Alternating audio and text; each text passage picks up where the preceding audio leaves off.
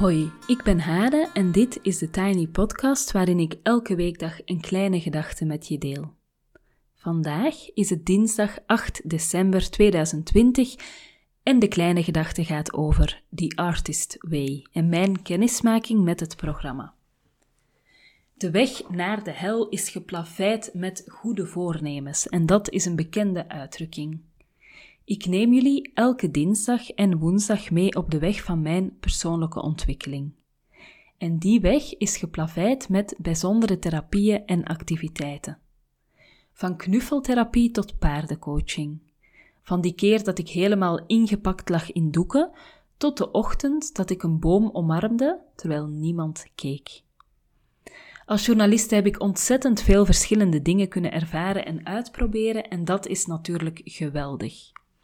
Maar daarnaast ben ik zelf van jongs af aan op zoek geweest naar inzicht, betekenis, zingeving, heling.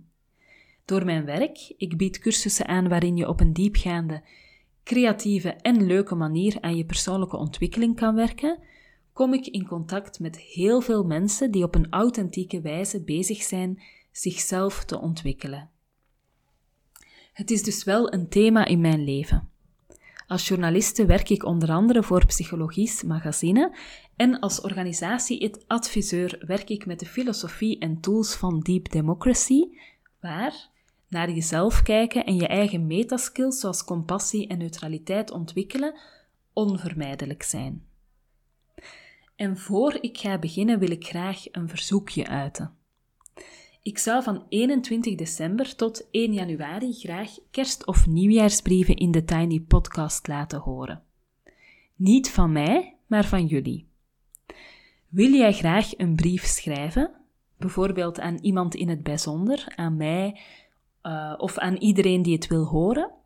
Misschien een terugblik op het voorbije jaar of een wens voor het volgende? Stuur dan alsjeblieft je brief naar thetinypodcast.gmail.com en dat kan als tekst of als audio. Ik heb al één brief gekregen en een belofte voor een tweede en ik wil er heel graag tien. Dus alsjeblieft, kruip in je pen, zoals we dat dan zeggen.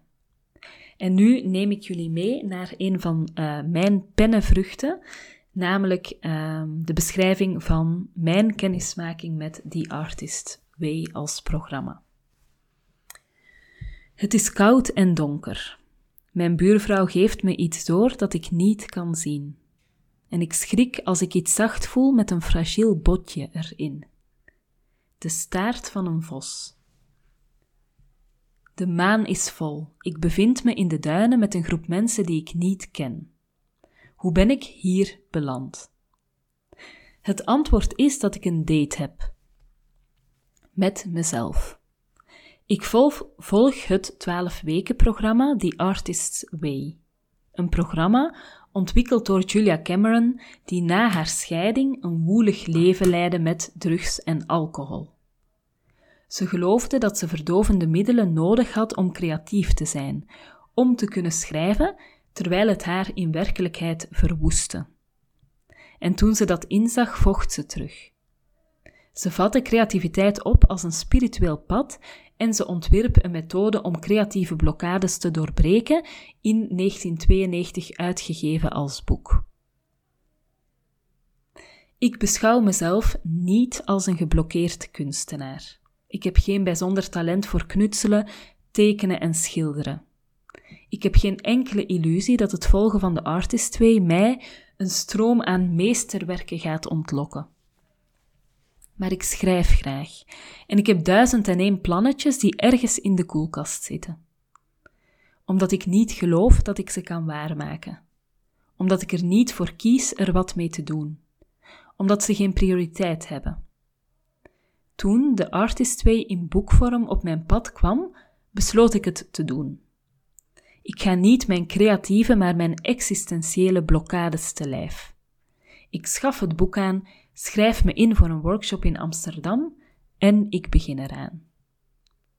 De eerste opdracht: bestand zijn tegen het taalgebruik van Julia Cameron. Ze verbindt creativiteit met een scheppende God die door ons heen werkt En bij momenten loopt het boek over van religieus taalgebruik. Ik kan daartegen. Het programma berust op drie pijlers. Je schrijft dagelijks je morning pages, je gaat wekelijks op een date met jezelf en je werkt doorheen twaalf hoofdstukken waarin je stukken tekst leest en oefeningen maakt. Ik ga trouw aan de slag met mijn morning pages. Ik heb in het verleden wel eens een free writing oefening gedaan in een cursus, dus ik begrijp wat de bedoeling is. Elke ochtend maak ik voor mezelf een kopje thee, neem ik drie lege pagina's die ik nummer en dateer en ik haal mijn vulpen boven. En dan schrijf ik alles wat maar in me opkomt. Met de hand, niet op de computer. Aanvankelijk voelt het vreemd en het lijkt een grote opdracht. Elke ochtend en maar liefst drie pagina's. Julia stelt me gerust. Als je niet weet wat schrijven, schrijf je maar een bladzijde vol met ik weet niet wat schrijven. Als je maar schrijft, elke dag. De eerste weken zijn mijn ochtendpagina's mopperpagina's. Alle ergernissen uit mijn relatie, mijn werk vloeien vlot uit mijn pen. Dat lucht op. Ik word er een leuker mens van. Wat ik kwijt ben door te schrijven is meteen van mijn lever. Meestal besef ik tijdens het schrijven ook dat ik zelf een aandeel heb in wat misgaat, en dat is even een understatement. Of dat ik anders kan kijken naar de zaken.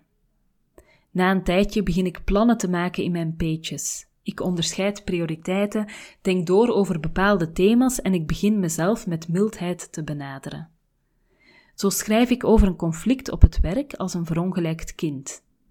Dat realiseer ik me snel en ik besluit de toon te veranderen naar de toon van een volwassen vrouw met de zuivere intentie het goed op te lossen. Deze bewustwording in mijn morning pages heeft enorm veel effect op mijn dagelijks leven. Ik begin te merken dat ik chagrijnig word als ik twee of drie dagen ochtends niet kan schrijven. Het schrijven helpt enorm om de verbinding met mezelf te versterken. Doordat je het aan niemand anders laat lezen en ook zelf niet terugleest, kan je genadeloos eerlijk zijn en jezelf onder ogen zien. Een tweede tool van de Artist Way is het kunstenaarsuitje, ofwel een wekelijkse date met jezelf. Daar zitten twee gedachten achter. Julia Cameron gaat ervan uit dat je innerlijke kunstenaar een kind is, een kind dat houdt van alle leuke speelse dingen die we onszelf als volwassenen neigen te ontzeggen. Neem dat innerlijke kind dus lekker mee uit om te ontdekken of om te spelen, zegt Julia. Een tweede gedachte is dat op date gaat, gaan met jezelf zorgt voor een sterkere relatie met jezelf. Je maakt toch enkel wekelijks tijd voor iemand waarmee je graag op stap gaat? En je zegt toch niet last minute af als je een date hebt met iemand die je waardeert? Zo moet je ook met jezelf omgaan. Het is belangrijk dat het uitje iets is dat je alleen gaat doen. Ik laat mijn partner en kinderen dus thuis, spreek ook niet af met vriendinnen en moet dan wel heel diep nadenken wat ik voor mezelf graag eens wil doen. Moeder zijn en partner zijn heeft dat bewustzijn volledig ondergesneeuwd. Ik hik weken tegen het eerste uitje aan. Allerlei bezwaren zitten me in de weg. Ik durf het gewoon niet. En ik vind het moeilijk zoveel tijd voor mezelf te claimen. En dan ga ik op een avond toch eens alleen naar de film. Als je niemand hebt om je om te bekommeren en je hoeft geen mening te vormen over de film om achteraf te bespreken, heb je een heel pure beleving. Ik kom helemaal gevoed terug thuis. De weken daarna ga ik regelmatig naar de film, boek ik een cabaretvoorstelling, ga ik met een boek in een koffiebar zitten en schrijf ik me in voor een volle maanwandeling met gids. Ik ontwikkel in snel tempo weer gevoel bij wat ik graag doe voor mezelf.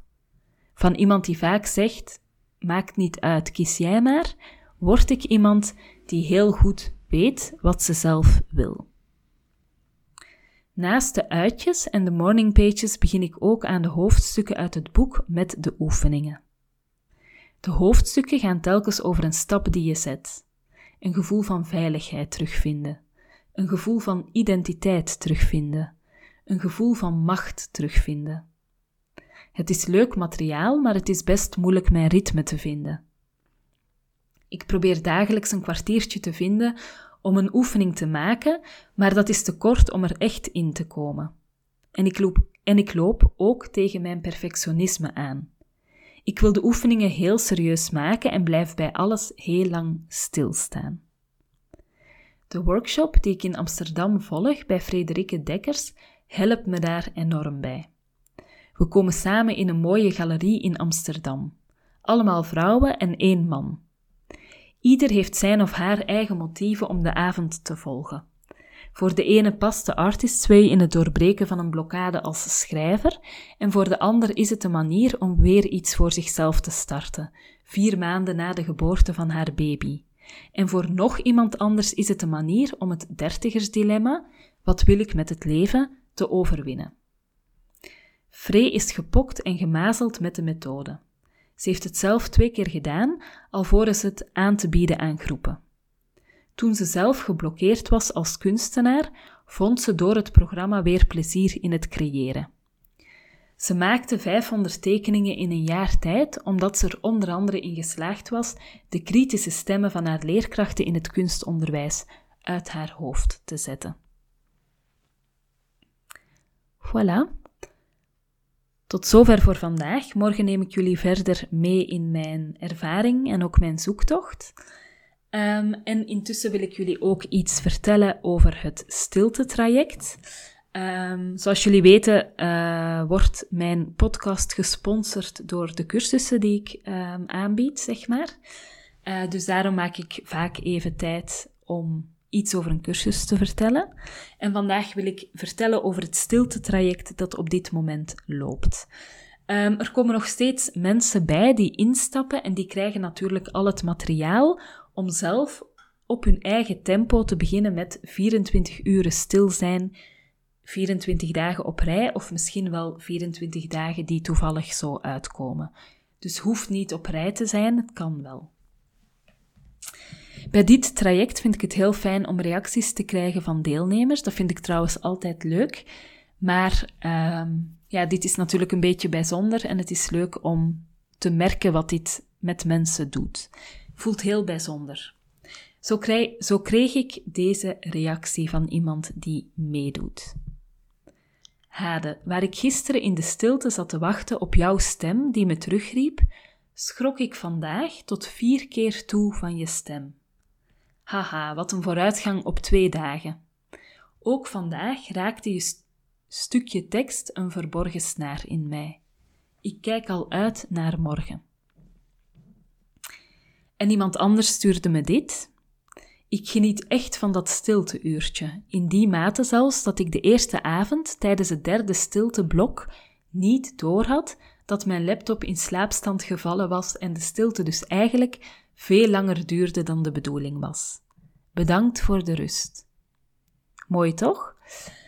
Um, ja, het stilte-traject, dat kan je ook afleiden uit deze getuigenissen, is een audiotraject. Dus je krijgt allemaal afgeschermde podcasts waarin ik je doorheen een uur stilte leid. Maar er is ook een online omgeving waar beeld, tekst en klank in zit van Anjet van Lingen, een kunstenares, en ikzelf. We doen dit samen. Um, er zit een overlap tussen het materiaal in de online omgeving en het audiomateriaal, maar het is ook niet volledig hetzelfde.